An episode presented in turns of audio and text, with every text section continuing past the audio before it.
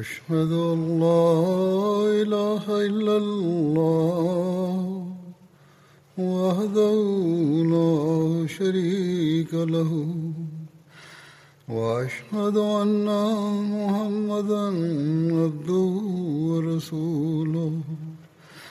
أما بعد فأعوذ بالله من الشيطان الرجيم. بسم الله الرحمن الرحيم. الحمد لله رب العالمين. الرحمن الرحيم. مالك يوم الدين. إياك نعبد وإياك نستعين. اهدنا الصراط المستقيم. صراط الذين أنعمت عليهم. غير المغضوب عليهم ولا الضالين.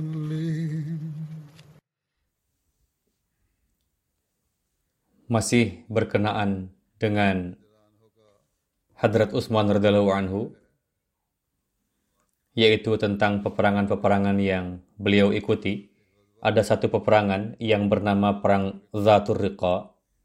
Nabi Karim Sallallahu Alaihi Wasallam berangkat bersama 400 sahabat atau menurut satu riwayat lain sebanyak 700 sahabat menuju Banu Salabah dan Banu Muharib yang berasal dari kabilah Atfan di Najd. Beliau Sallallahu Alaihi Wasallam mengangkat Hadrat Utsman sebagai amir di Madinah atau menurut satu riwayat lain, beliau mengangkat Hadrat Abu Zar Ghafari sebagai amir. Hadrat Rasulullah Sallallahu Alaihi Wasallam sampai di Najad di suatu tempat bernama Nakhal yang kemudian disebut dengan nama Zatur Riqa. Di sana telah bersiap satu laskar besar untuk memerangi Hadrat Rasulullah SAW. Kedua laskar telah saling berhadapan, namun peperangan tidak terjadi dan orang-orang satu sama lain menjadi terselimuti dengan kecemasan. Di waktu peperangan inilah untuk pertama kalinya umat Islam melaksanakan salat khauf.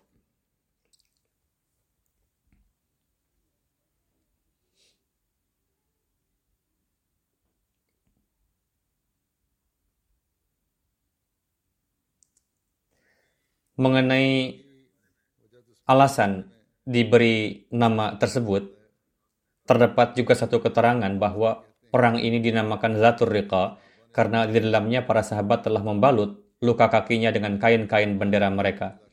Dikatakan juga bahwa di tempat itu ada satu pohon atau bukit yang bernama Zatur Riqa.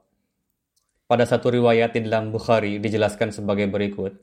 Hadrat Abu Musa Ash'ari menjelaskan, kami secara serentak keluar bersama Nabi Shallallahu Alaihi Wasallam dan saat itu kami berjumlah enam orang saat itu kami memiliki satu onta bersama yang dengannya kami secara bergiliran menungganginya. Kaki-kaki kami terluka, yakni pada waktu peperangan itu bukanlah hanya enam orang, namun ada enam orang yang bergantian untuk satu unta itu.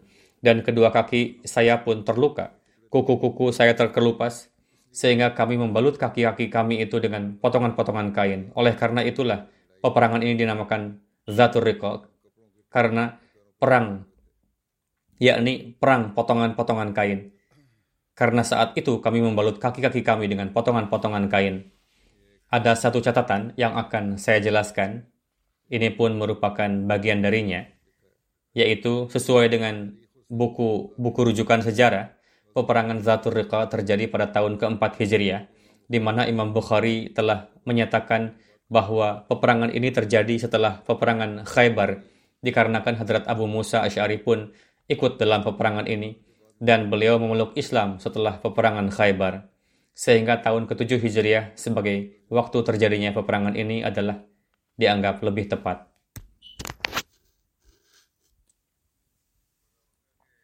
Dalam beberapa riwayat tentang peristiwa Fatah Mekah pun mengenai peristiwa yang terjadi pada tahun ke-8 Hijriah tersebut, terdapat satu riwayat rinci di dalam Sunan An-Nasai sebagai berikut, yang di dalamnya tertera penjelasan rinci tentang orang-orang dalam peristiwa Fatah Makkah, yang tentang terbunuhnya mereka, ada satu perintah yang saat itu datang dari Nabi Karim Sallallahu Alaihi Wasallam.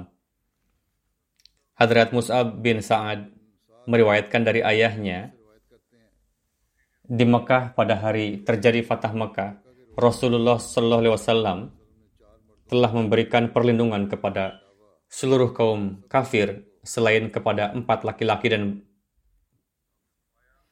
perempuan. Beliau bersabda, bunuhlah keempat orang itu meskipun kalian mendapatkan mereka bersimpuh pada kain-kain Ka'bah. Mereka itu adalah Ikrimah bin Abu Jahal, Abdullah bin Khatal, Mukis bin Sababah, dan Abdullah bin Sa'ad bin Abisar tatkala Abdullah bin Khatal tertangkap saat itu ia tengah memegang kain Ka'bah. Hadrat Sa'ad bin Khuraiz dan Hadrat Ammar bin Yasir keduanya mendekatinya dan Hadrat Sa'id pun membunuhnya. Mukis ditangkap di pasar dan ia pun dibunuh. Ikrimah lari ke arah laut. Saat itu Taufan di lautan pun menyerang para pelaut sehingga para pelaut pun berkata kepadanya, Hendaknya kalian berlaku ikhlas dan penuh kebenaran, karena di sini sembahan kalian sedikit pun tidak akan memberikan manfaat kepada kalian. Mendengar ini Ikrimah pun mengatakan, Demi Tuhan, seandainya di lautan ada sesuatu yang dapat menyelamatkanku, maka itu hanyalah keikhlasan dan kebenaran. Dan di daratan pun hanya keikhlasan dan kebenaranlah yang dapat menyelamatkanku. Wahai Allah, aku secara sungguh-sungguh bersumpah kepada engkau bahwa seandainya engkau melindungiku dari taufan ini, maka aku pasti akan datang kepada Muhammad sallallahu alaihi wasallam dan aku akan meletakkan tanganku di atas tangan beliau dan pastilah aku akan mendapati beliau sebagai seorang yang pemaaf dan berbelas kasih. Maka ia pun pulang dan memeluk Islam. Berkenaan dengan ini, riwayat yang lebih masyhur adalah bahwa sebelum ia naik ke kapal, istrinya datang untuk meyakinkan dirinya, sehingga istrinya pun dapat membawanya pulang. Riwayat ini pun akan disampaikan nanti. Jadi ini adalah satu riwayat dari Sunan An-Nasai. Adapun berkenaan dengan Abdullah bin Abisar, maka ia pun sembunyi. Ia sembunyi di tempat Hadrat Utsman bin Affan. Kemudian tatkala Rasulullah menyerukan kepada semua untuk berbaiat, maka Hadrat Utsman membawanya ke hadapan Nabi dan berkata, Wahai Rasulullah, terimalah baiat Abdullah Beliau Sallallahu Wasallam memandang ke arahnya hingga tiga kali dan menolaknya.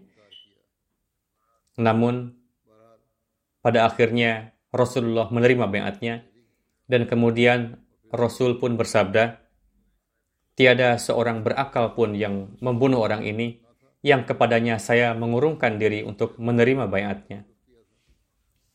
Kemudian ia bertanya, Ya Rasulullah, bagaimana kami dapat mengetahui Apakah yang ada di dalam kalbu Tuhan? Mengapa Tuhan tidak memberikan isyarah melalui pandangan kepada kami? Mendengar ini, Rasulullah bersabda, tidaklah diperkenankan bagi Nabi bahwa ia berkhianat melalui pandangan. Riwayat ini pun tertera di dalam Sunan Abu Daud. Memang di dalam Sunan Abu Daud tertera juga satu riwayat lain. Namun di dalam keterangan-keterangan akhir riwayat tersebut tidak tertera perihal terbunuhnya dan hal lainnya. Di dalam riwayat tersebut dijelaskan Hadrat Ibnu Abbas menjelaskan, Abdullah bin Sa'ad bin Abi Sar dahulu merupakan sosok penulis wahyu Rasulullah, di mana setan telah memperdayanya dan ia pun berdalih kepada kaum kafir. Di hari peristiwa Fatah Makkah, Rasulullah pun memberikan perlindungan kepadanya mengenai kepada Hadrat Rasulullah SAW tidak membunuhnya, padahal beliau telah memerintahkan untuk membunuhnya. Terkait hal ini pun perlu dijelaskan bahwa di dalam riwayat ini sabda hadrat Rasulullah SAW kepada para sahabat bahwa tatkala aku telah urung untuk menerima menerima bayatnya, maka mengapa kalian tidak membunuhnya? Adalah patut untuk dipertimbangkan karena seandainya Rasulullah SAW memang benar tidak ingin menerima bayatnya, dan beliau lebih cenderung untuk tetap dalam keputusan membunuhnya, maka saat itu Rasulullah dapat saja memerintahkan untuk langsung membunuhnya. Rasulullah adalah sosok fatih, yakni pemimpin, penakluk, dan beliau adalah kepala pemerintahan saat itu, dan keputusan beliau untuk membunuhnya pun telah didasarkan atas keadilan. Oleh karena itu, dapat disimpulkan bahwa di dalam riwayat tersebut telah terkandung juga pendapat atau pandangan dari seseorang di antara perawinya. Lebih dari itu, riwayat tersebut tidak tertera di dalam Bukhari dan Muslim, dan di dalam Abu Dawud terdapat satu riwayat terkait hal ini yang diriwayatkan oleh Hadrat Ibnu Abbas, di mana saya telah menyampaikannya, dan di dalamnya sama sekali tidak disebutkan tentang perintah membunuhnya. Hadrat Muslim Maud radhiyallahu anhu seraya menafsirkan surah Al-Mu'minun ayat 15 Beliau menjelaskan peristiwa ini sebagai berikut. Bersama ayat ini terdapat pula satu peristiwa bersejarah yang erat dengannya, di mana sangatlah penting untuk menjelaskannya di sini. Ada sesosok penulis wahyu Rasulullah yang bernama Abdullah bin Abisar. Tatkala wahyu turun kepada Rasulullah, maka Rasul menyuruh memanggilnya untuk menuliskannya. Satu hari Rasulullah tengah menuliskan ayat-ayat ini kepadanya tatkala beliau sampai pada kalimat summa ansha'nahu khalqan akhar maka dari mulutnya tanpa sengaja keluar fatabarakallahu ahsanal khaliqin Kemudian Rasulullah SAW bersabda, inilah wahyu itu, tulislah itu. Tidak terfikir oleh orang yang sial itu bahwa sudah sewajarnya ayat tersebut diikuti oleh ayat tersebut. Dan ia telah menganggap bahwa sebagaimana dari mulutnya keluar ayat tersebut dan Rasulullah pun menyatakannya sebagai wahyu, maka dengan demikian beliau sallallahu alaihi wasallam nauzubillah tengah membuat sendiri seluruh Al-Qur'an. Oleh karena itu, ia pun menjadi murtad dan pergi ke Mekah. Pada kesempatan Fatah Mekah, di antara orang-orang yang mana Rasul Karim telah memerintahkan untuk membunuhnya, salah satunya pun adalah Abdullah bin Abi Sarah. Namun Hadrat Utsman melindunginya. Dan ia pun terus bersembunyi selama tiga hari di rumah beliau. Di suatu hari, tatkala Rasulullah tengah menerima bayat orang-orang Mekah, Hadrat Utsman pun membawa Abdullah bin Abi Sarah ke hadapan beliau dan memohon kepada beliau untuk menerima bayatnya. Rasulullah pada awalnya mengurungkan diri hingga beberapa waktu untuk menerimanya, namun kemudian beliau pun menerima bayatnya, sehingga dengan demikian ia pun telah kembali memeluk Islam. Sesuai riwayat yang telah dijelaskan di dalam Sunan An-Nasai mengenai penjelasan peristiwa Ikrimah bin Abu Jahal tatkala menerima Islam, tertera rincian-rincian di dalam buku-buku rujukan sejarah tentang peristiwa ia memeluk Islam. Sebagaimana telah saya sebutkan sebelumnya, terdapat perselisihan di dalamnya bahwa Ikrimah bin Abu Jahal adalah seseorang di antara orang-orang yang mana Rasulullah pada kesempatan Fatah Mekah telah memerintahkan untuk membunuhnya. Dahulu Ikrimah dan ayahnya telah senantiasa menimpakan kehinaan terhadap Rasulullah dan dahulu ia telah sangat banyak melakukan aniaya kepada orang-orang Islam tatkala ia mengetahui bahwa Rasulullah telah memerintahkan untuk mengalirkan darahnya, yakni untuk membunuhnya, maka ia pun berlari ke arah Yaman dan istrinya pun mengejarnya sampai ia menerima Islam. Istrinya mendapati Ikrimah di pinggir lautan tatkala ia berkeinginan untuk menaiki perahu. Menurut penuturan yang lain, istrinya mendapatinya tatkala ia telah menaiki perahu. Maka ia berkata kepada Ikrimah untuk menahannya, Wahai anak pamanku, aku datang kepada engkau dari seorang insan yang paling unggul dari semua orang dan dalam menghubungkan persaudaraan, dan yang paling baik dari antara semua orang, dan yang paling setia dari antara semua orang. Oleh karena itu, janganlah engkau memasukkan jiwa engkau ke dalam kebinasaan, karena aku telah memohon perlindungan untuk engkau. Atas hal demikian, maka ia pun kembali bersama istrinya dan menerima Islam, dan kehidupannya dalam Islam adalah sangat indah. Di dalam riwayat tertera bahwa tatkala Ikrimah hadir di hadapan Rasulullah, ia bertanya, "Wahai Muhammad sallallahu alaihi wasallam, istri saya memberitahukan kepada saya bahwa Anda telah memberikan perlindungan kepada saya." Beliau bersabda, "Engkau telah mengatakan hal yang benar. Sungguh engkau berada dalam perlindungan." Mendengar ini, Ikrimah berkata, "Saya bersumpah bahwa tidak ada wujud yang patut disembah selain Allah. Dia adalah Esa dan tidak ada sekutunya." dan engkau adalah hambanya dan utusannya. Kemudian dengan malu ia menundukkan kepalanya ke bawah. Melihat ini Rasulullah bersabda kepadanya, Wahai Ikrimah, apa pun yang engkau minta dariku, apabila aku memiliki kesanggupan, maka aku akan memberikannya kepadamu. Ikrimah berkata, Aku memohon doa kepada engkau demi ampunan dari setiap permusuhan yang telah aku lakukan sebelumnya kepada Tuhan. Atas hal ini, Hadrat Rasulullah memanjatkan doa, Ya Allah, anugerahkanlah ampunan terhadap setiap permusuhan yang telah dilakukan ikrimah kepadaku dahulu, atau ampunilah setiap perbuatan buruk yang telah ia lakukan. Kemudian Rasulullah Sallallahu Alaihi Wasallam seraya penuh kebahagiaan berdiri dan mengalungkan selendang beliau di atasnya dan bersabda, Selamat datang, aku sampaikan kepada seorang yang telah datang kepada kami dalam keadaan beriman dan dalam keadaan melakukan hijrah. Maka selanjutnya Ikrimah pun termasuk di antara sahabat-sahabat beliau yang berderajat mulia.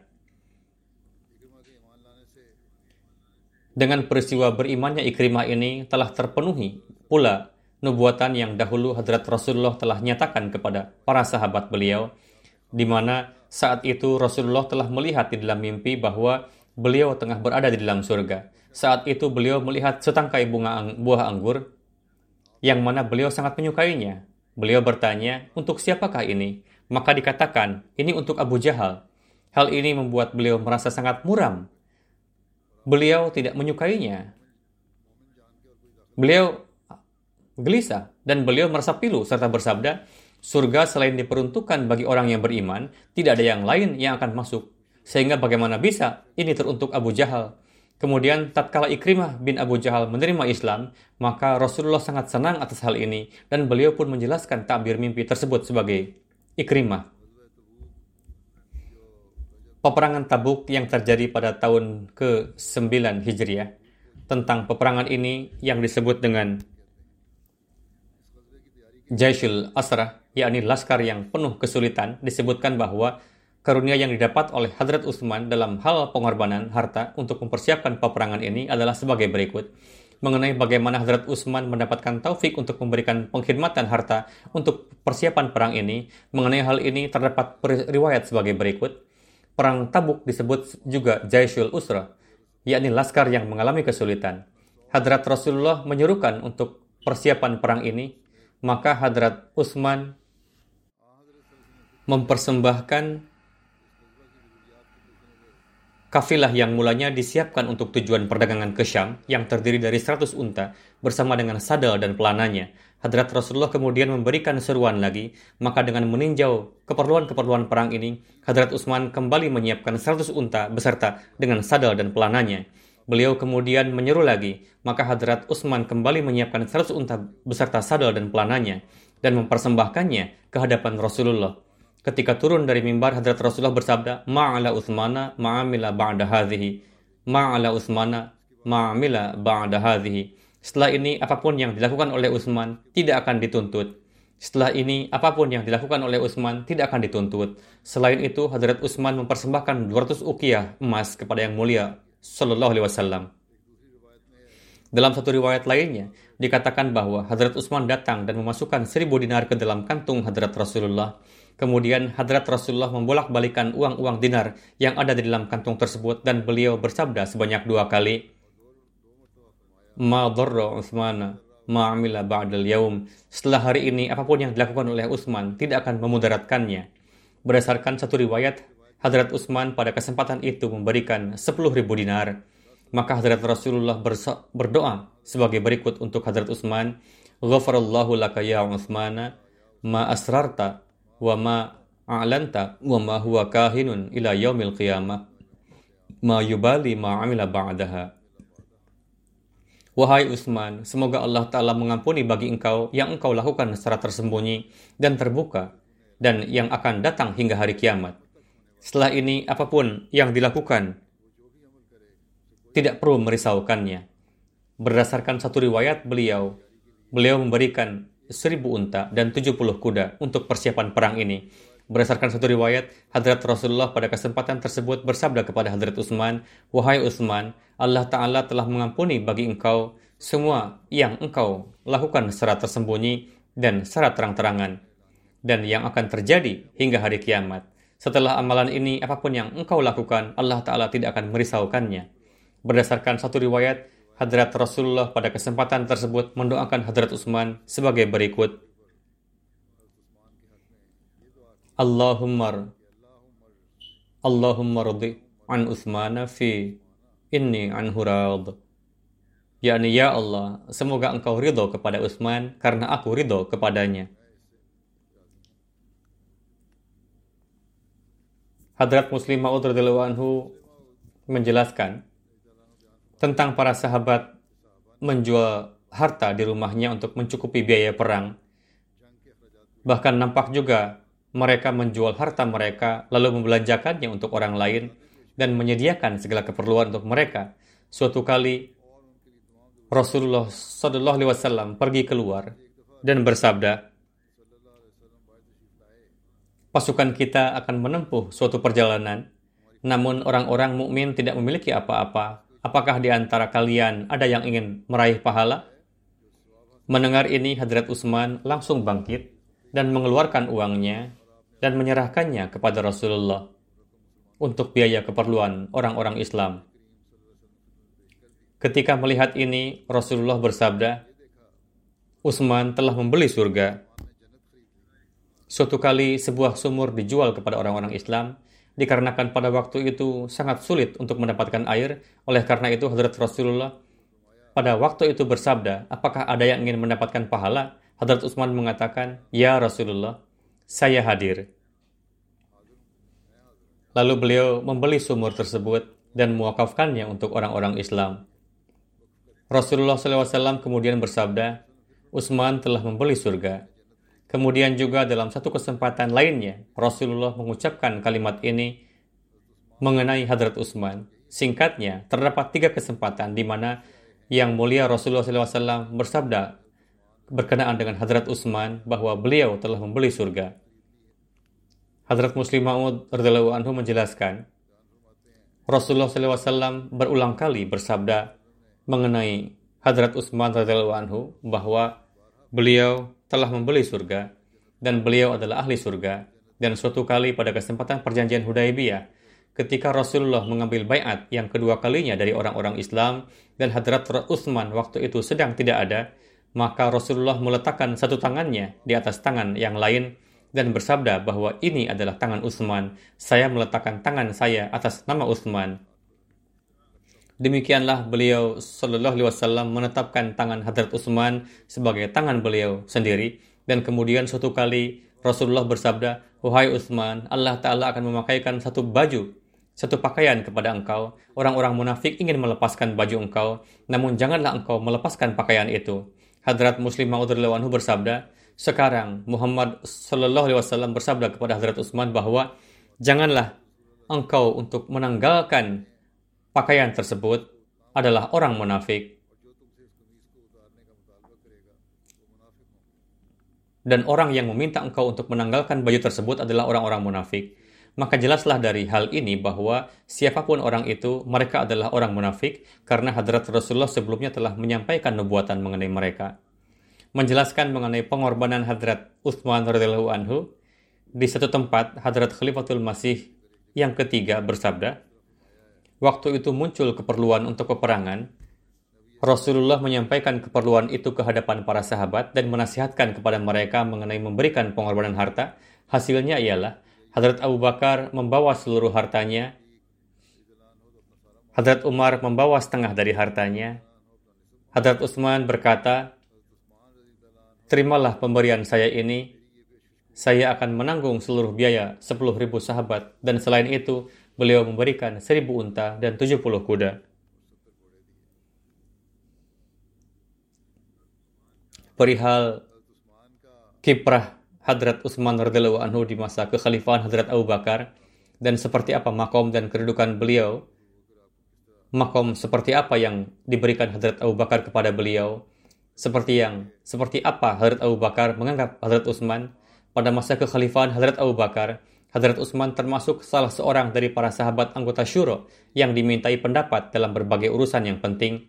Ketika Hadrat Abu Bakar menghadapi fitnah kemurtadan dan telah mengatasinya, maka beliau berniat untuk menyerang Romawi dan memberangkatkan para mujahidin ke berbagai penjuru dan beliau meminta saran dari orang-orang berkenaan dengan hal ini. Beberapa sahabat memberikan masukannya. Atas hal itu, Hadrat Abu Bakar terus meminta masukan, yang kemudian Hadrat Utsman mengatakan, Anda adalah orang yang mencintai dan menginginkan kebaikan bagi para penganut agama ini. Jadi ketika Anda menganggap suatu gagasan bermanfaat bagi khalayak umum, maka kuatkanlah tekad untuk melaksanakan itu. Karena tidak mungkin bisa berprasangka buruk terhadap diri Anda. Yakni, beliau radhiyallahu anhu mengatakan kepada Hadrat Abu Bakar bahwa tidak mungkin bisa berprasangka buruk mengenai terhadap diri beliau Mendengar ini, Hadrat Talha, Hadrat Zubair, Hadrat Sa'ad, Hadrat Abu Ubaidah, Hadrat Said bin Zaid, beserta para muhajirin dan ansar lainnya yang hadir di majelis tersebut mengatakan bahwa Hadrat Utsman telah berkata benar. Laksanakanlah apa yang menurut Anda layak. Kami tidak akan menentang Anda dan tidak juga akan melontarkan suatu tuduhan terhadap Anda. Setelah itu, Hadrat Ali berbicara. Kemudian Hadrat Abu Bakar berdiri di antara orang-orang dan berzikir kepada Allah Ta'ala serta mengirimkan salawat kepada yang mulia Nabi Sallallahu Alaihi Wasallam.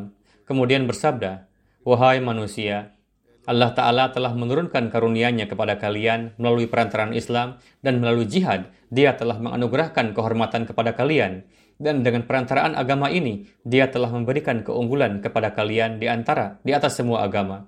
Alhasil, wahai para hamba Allah, persiapkanlah pasukan untuk berperang dengan Romawi di Syam ketika Hadrat Abu Bakar meminta saran dari para sahabat mengenai siapa yang akan dikirim ke Bahrain sebagai gubernur setelah Hadrat Awan bin Sa'id. Maka Hadrat Utsman bin Affan mengatakan, kirimlah orang yang Rasulullah pernah tetapkan sebagai gubernur, orang-orang Bahrain, dan menjadi wasilah mereka menerima Islam dan taat. Dan ia pun mengetahui dengan baik penduduk serta wilayah di sana. Orang itu adalah Ala bin Hadrami. Atas saran ini, Hadrat Abu Bakar sepakat untuk mengirim Ala bin Hadrami ke Bahrain.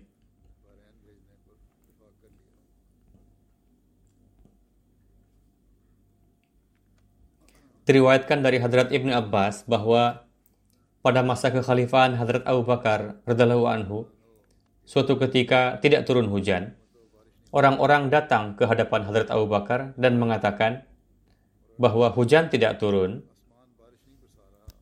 tanah tidak menumbuhkan tanaman, orang-orang terancam musibah yang sangat besar. Hadrat Abu Bakar bersabda, Pergilah kalian dan bersabarlah. Allah Ta'ala akan menjauhkan kegelisahan kalian hingga sore nanti. Tidak berapa lama, kafilah dagang Hadrat Utsman yang terdiri dari 100 unta bermuatan gandum dan berbagai bahan makanan tiba di Madinah dari Syam. Mendengar kabar ini, orang-orang pergi ke rumah Hadrat Utsman dan mengetuk pintu. Hadrat Utsman keluar kepada orang-orang dan bertanya, apa yang Anda inginkan? Orang-orang mengatakan, Anda tahu bahwa ini adalah masa tahun paceklik, langit tidak menurunkan hujan, tanah tidak menumbuhkan tanaman, orang-orang sangat gelisah. Kami tahu bahwa Anda memiliki gandum, Juallah itu kepada kami supaya kami bisa membagikannya kepada para fakir miskin. Hadrat Utsman bersabda, "Baiklah, silahkan masuk." Para pedagang itu masuk ke rumah Hadrat Utsman dan mendapati gandum tersimpan di rumah Hadrat Utsman. Hadrat Utsman bersabda kepada para pedagang, "Berapa keuntungan yang akan Anda berikan atas barang-barang yang saya beli dari Yaman. Orang-orang yang merupakan para pedagang tersebut yang berkeinginan untuk membagi-bagikan mengatakan, kami akan membayar 12 dirham dari harga beli 10 dirham.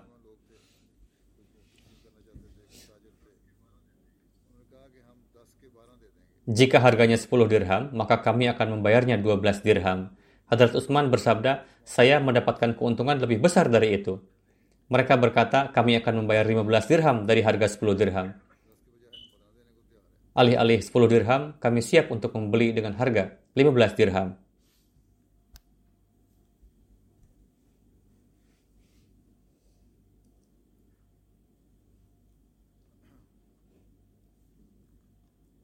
Hadrat Utsman bersabda, saya mendapatkan lebih dari itu keuntungan. Para saudagar itu mengatakan, wahai Abu Amr, di Madinah selain kami tidak ada pedagang lain. Lalu siapa yang membayar lebih banyak dari itu kepada Anda? Hadrat Utsman bersabda, Allah Ta'ala memberikan kepada saya 10 kali lipat sebagai pengganti dari setiap dirham. Apakah Anda sekalian bisa memberikan lebih banyak dari itu? Mereka mengatakan, tidak. Kami tidak bisa memberikan lebih dari itu. Mendengar ini, Hadrat Utsman bersabda, dengan menjadikan Allah sebagai saksi, aku sedekahkan semua gandum ini untuk orang-orang Islam yang miskin. yakni aku akan memberikan seluruh gandum tersebut kepada orang-orang miskin dan tidak akan memberikan harga. Hadrat Ibnu Abbas mengatakan, pada malam ketika peristiwa pembagian gandum ini terjadi, pada malam itu saya melihat Rasulullah dalam mimpi. Beliau menunggangi kuda yang bukan kuda Arab yang bertubuh kekar. Beliau memakai baju bercahaya. Kaki beliau mengenakan sepatu yang bercahaya dan pada tangan beliau memegang tongkat cahaya dan beliau dalam keadaan tergesa-gesa. Saya berkata, Wahai Rasulullah, saya sangat berkeinginan untuk bercakap-cakap dengan Tuhan. Tuhan nampak sedang tergesa-gesa. Akan pergi ke mana gerangan? Rasulullah bersabda, Wahai Ibnu Abbas, Utsman telah bersedekah dan Allah Ta'ala menerima sedekahnya lalu menikahkannya di surga dan kami diundang untuk hadir dalam pernikahannya berkenaan dengan kiprah, makom, dan kedudukan Hadrat Utsman pada zaman Hadrat Umar, akan saya sampaikan beberapa hal berikut. Setelah terpilih sebagai khalifah, Hadrat Umar meminta musyawarah dari para sahabat besar berkenaan dengan besaran tunjangan beliau dari Baitul Mal. Hadrat Utsman berkata, silahkan penuhi kebutuhan makanan dan untuk membantu orang lain juga.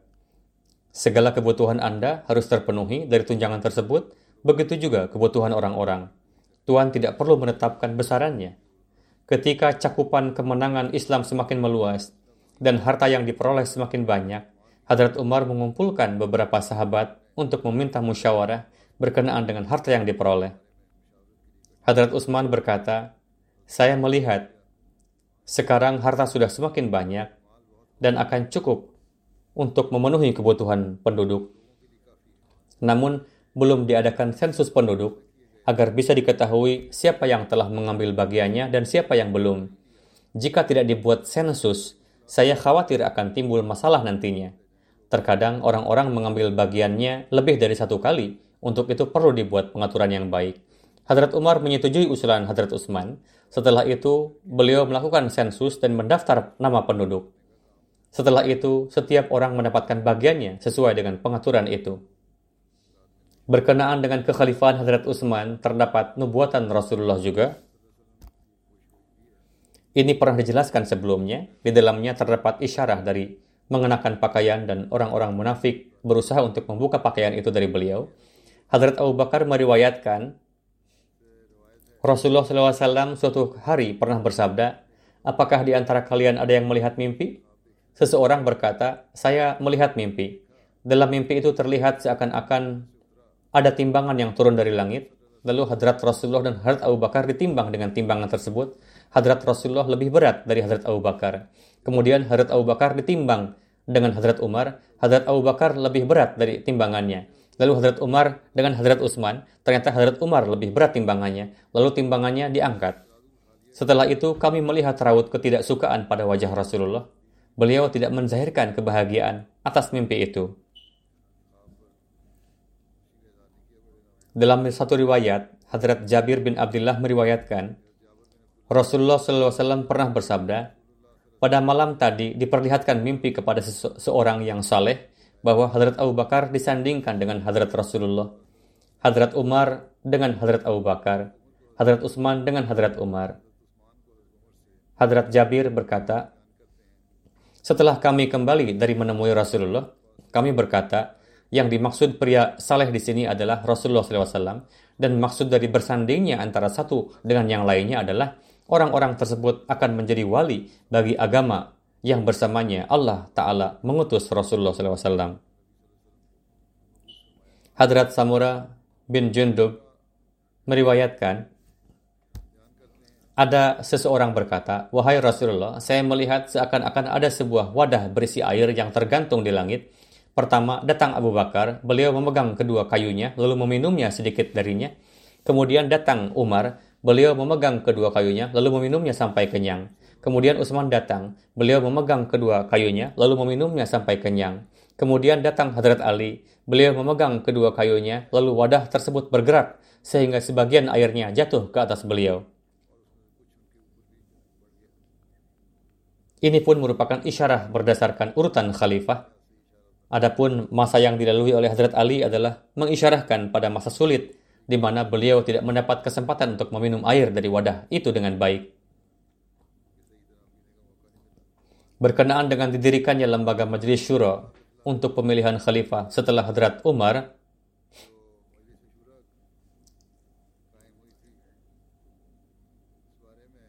Hadrat Miswar bin Makhrama meriwayatkan, ketika Hadrat Umar bin Khattab dalam keadaan baik pasca serangan yang menimpa beliau, disampaikan permohonan kepada beliau untuk menetapkan seseorang sebagai khalifah. Namun beliau selalu menolaknya. Suatu hari beliau berdiri di mimbar dan menyampaikan beberapa patah kata. Beliau bersabda, jika aku mati nanti, maka urusan kalian akan diserahkan kepada enam orang yang mana mereka telah ditinggalkan oleh Rasulullah dalam keadaan ridho kepada mereka.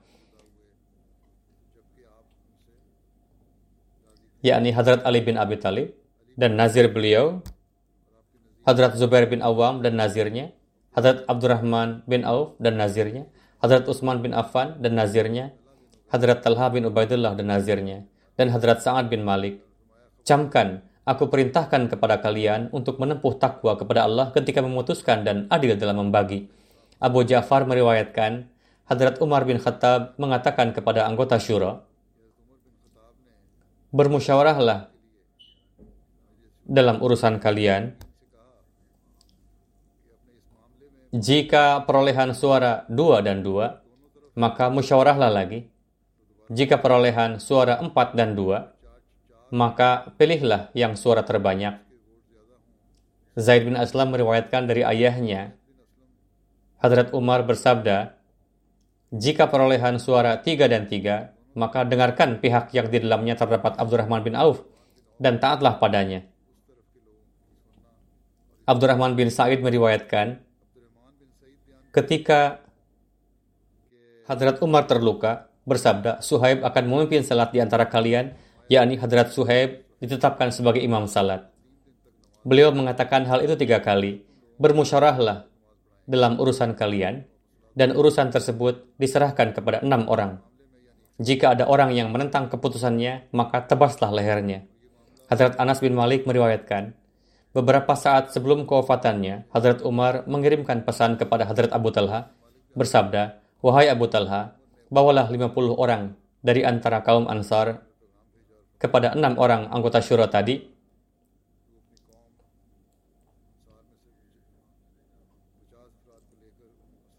jangan tinggalkan mereka sampai tiga hari sebelum mereka menetapkan seorang amir di antara mereka.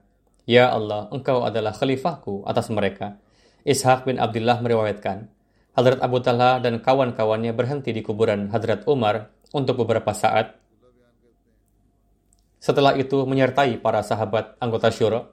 Setelah anggota syuro menyerahkan urusannya kepada Hadrat Abdurrahman bin Auf, bahwa beliau diberikan wewenang untuk menetapkan amir kepada siapa pun, sampai saat itu Hadrat Abu Talha dan kawan-kawannya berjaga di pintu rumah Hadrat Abdurrahman bin Auf sebelum bayat kepada Hadrat Utsman radhiyallahu anhu.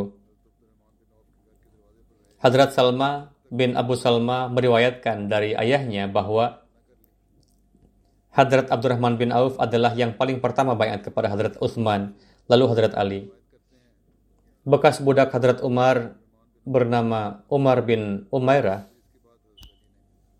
meriwayatkan dari kakeknya bahwa Hadrat Ali lah yang paling pertama bayat kepada Hadrat Utsman, lalu diikuti oleh semua orang.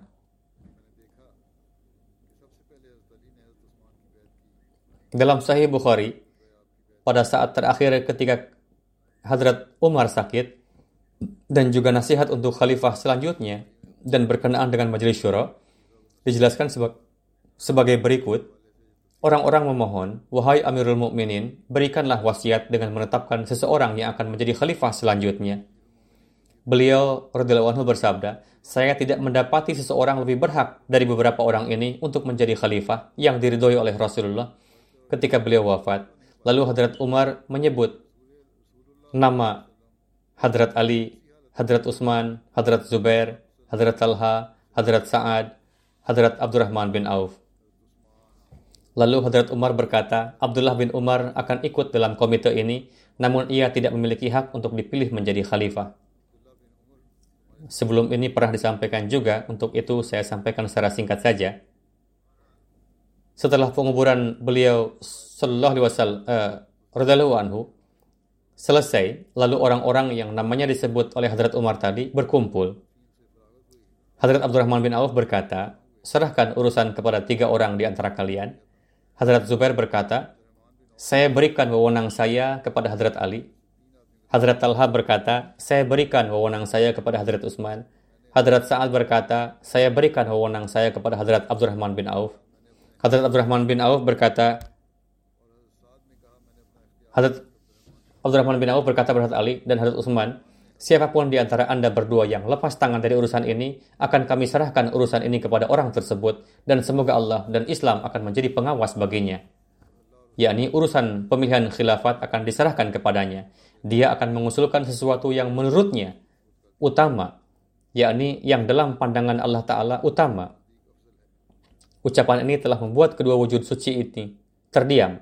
Lalu Hadrat Abdurrahman berkata, apakah Anda menyerahkan urusan ini kepada saya? Dan Allah adalah pengawasku, yakni siapa pun yang afdol di antara Anda, saya tidak akan mengurangi apa pun yang diusulkannya.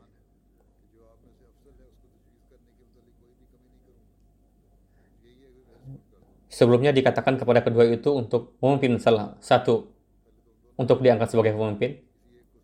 Berkata, baiklah. Lalu Abdurrahman memegang tangan salah satu di antara mereka dan diajak pergi secara terpisah dan berkata, Anda memiliki hubungan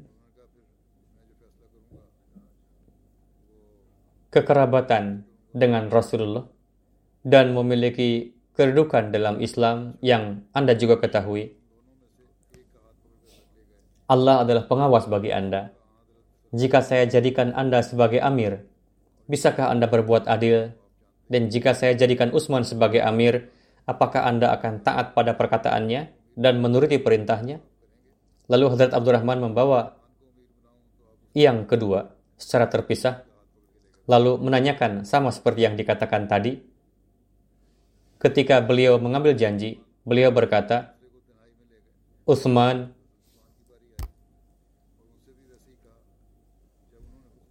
Julurkanlah tangan Anda. Lalu Hadrat Abdurrahman bayat kepada Hadrat Utsman. Begitu juga Hadrat Ali. Lalu penghuni rumah yang lainnya pun masuk kemudian bayat kepada Hadrat Utsman. Berkenaan dengan pemilihan Khalifah Utsman, Hadrat Muslim Maud anhu bersabda, ketika Hadrat Umar terluka dan merasa bahwa saat-saat terakhir beliau telah tiba, lalu beliau mewasiatkan berkenaan dengan enam orang supaya mereka memilih salah satu di antara mereka sendiri untuk menjadi khalifah. Keenam orang itu adalah Hadrat Utsman, Hadrat Ali, Hadrat Abdurrahman bin Auf, Hadrat Sa'ad bin Ab Waqas, Hadrat Zubair, dan Hadrat Talha. Seiring dengan itu, Hadrat Umar pun memerintahkan supaya Hadrat Abdullah bin Umar dimasukkan ke dalam komite tersebut, namun meminta supaya Hadrat Abdullah tidak dicalonkan. Beliau mewasiatkan supaya komite tersebut memutuskan dalam tiga hari, dan untuk tiga hari tersebut beliau menetapkan Suhaib sebagai imam salat. Beliau juga menetapkan Mikdad bin Aswad sebagai pengawas komite, lalu memerintahkan padanya. Kumpulkan komite tersebut di satu tempat, lalu paksa mereka untuk memutuskan, dan kamu sendiri berjaga di dekat pintu dengan membawa pedang. Siapa pun yang mendapat suara terbanyak, sehendaknya anggota komite lainnya bayat pada orang yang terpilih itu. Jika ada yang mengingkarinya, bunuhlah. Namun jika suara terbagi dua dan berjumlah sama yakni tiga, maka siapa pun yang diusulkan oleh Abdullah bin Umar, maka tetapkanlah orang itu sebagai khalifah. Jika keputusan tersebut tidak disetujui, siapa pun yang dipilih oleh Abdurrahman bin Auf, maka ialah yang akan menjadi khalifah. Akhirnya kelima sahabat tadi bermusyawarah, karena saat itu Talha sedang berada di luar Madinah. namun tidak menghasilkan satu keputusan. Setelah berdiskusi panjang, Abdurrahman bin Auf berkata, Barang siapa yang ingin menarik lagi namanya, silahkan.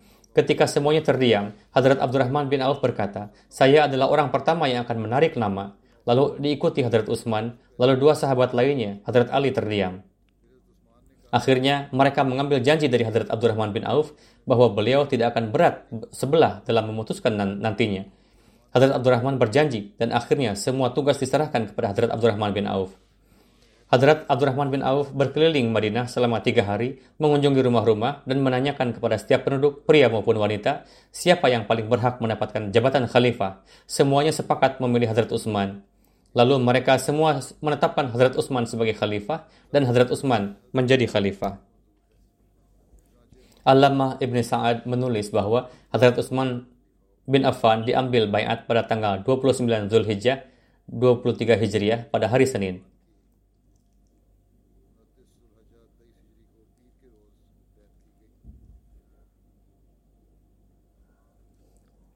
Khazal bin Sabrah meriwayatkan, ketika Hadrat Utsman terpilih sebagai khalifah, Hadrat Abdullah bin Mas'ud bersabda, kita telah memilih orang terbaik di antara orang-orang yang masih hidup dan kita tidak melakukan kealpaan dalam pemilihan ini.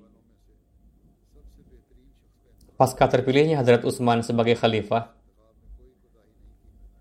menyampaikan pidato pertama, berkenaan dengan itu terdapat riwayat,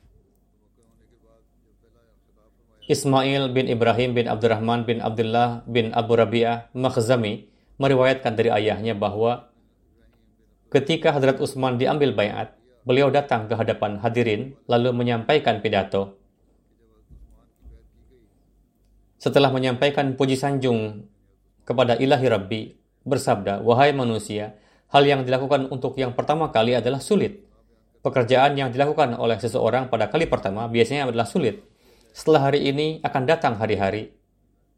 Jika aku masih hidup, insya Allah saya akan dapat menyampaikan pidato yang sesuai untuk kalian pada hari ini saya sampaikan pidato singkat ini. Allah Ta'ala akan mengajari kita cara untuk berpidato yang baik. Badar Badar bin Utsman meriwayatkan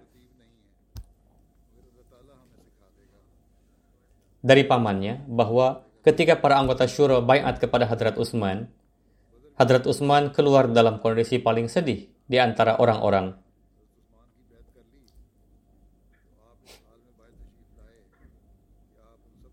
Kemudian beliau menaiki mimbar Rasulullah dan berpidato di hadapan hadirin.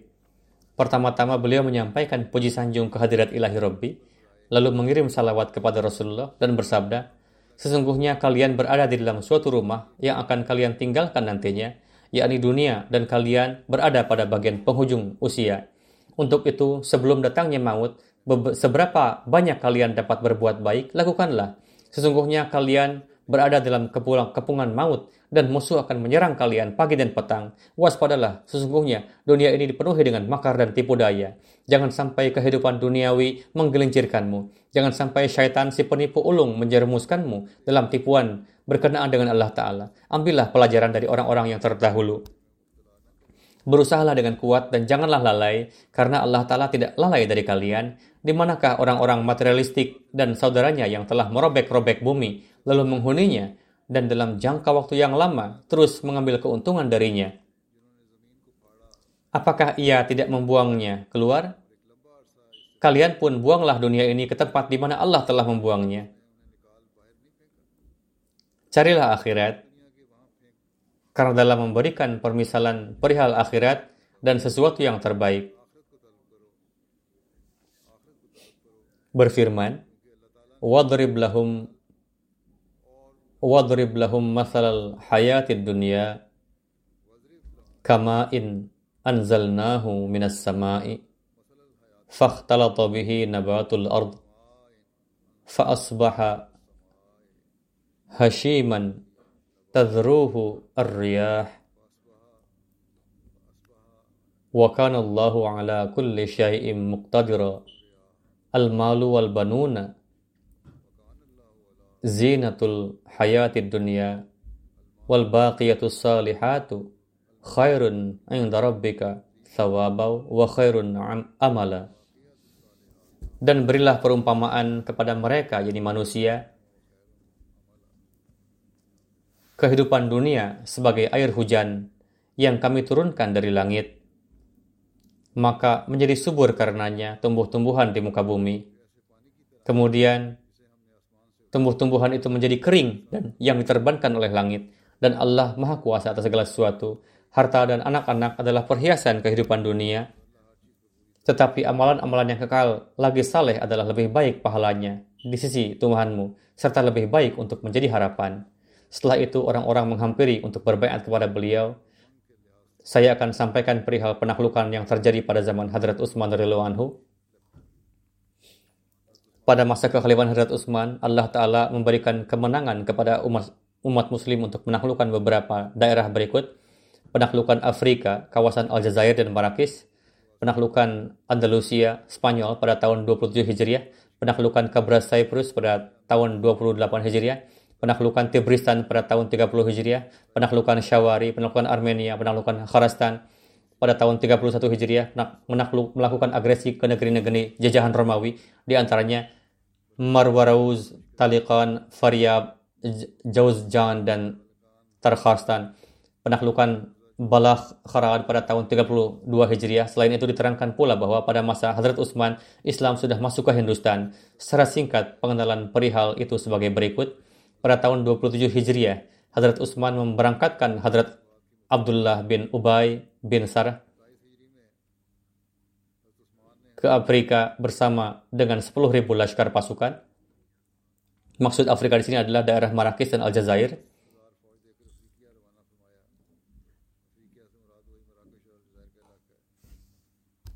Alhasil Allah Ta'ala memberikan kemenangan kepada pasukan muslim.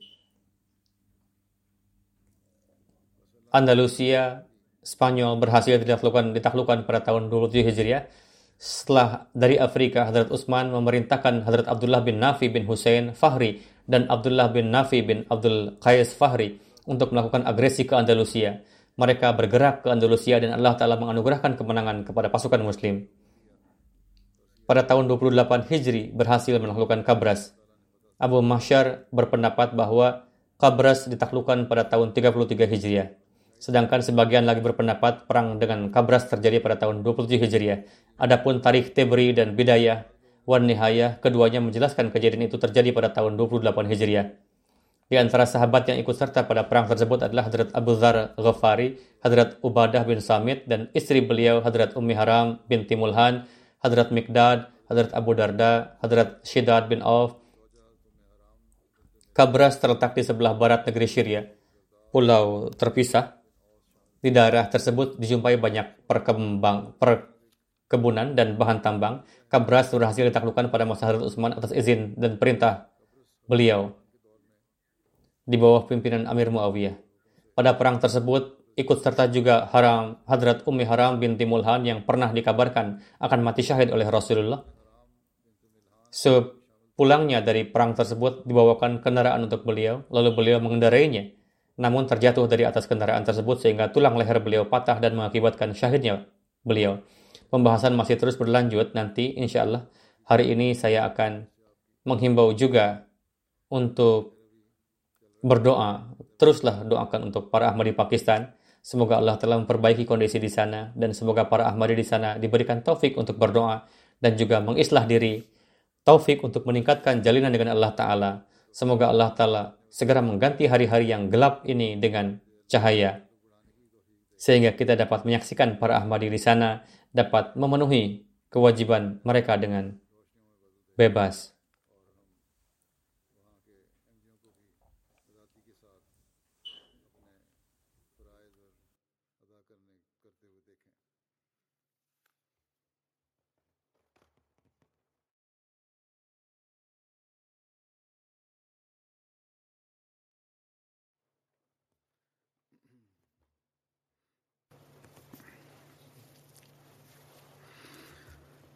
الحمد لله الحمد لله نحمده ونستعينه ونستغفره ونؤمن به ونتوكل عليه.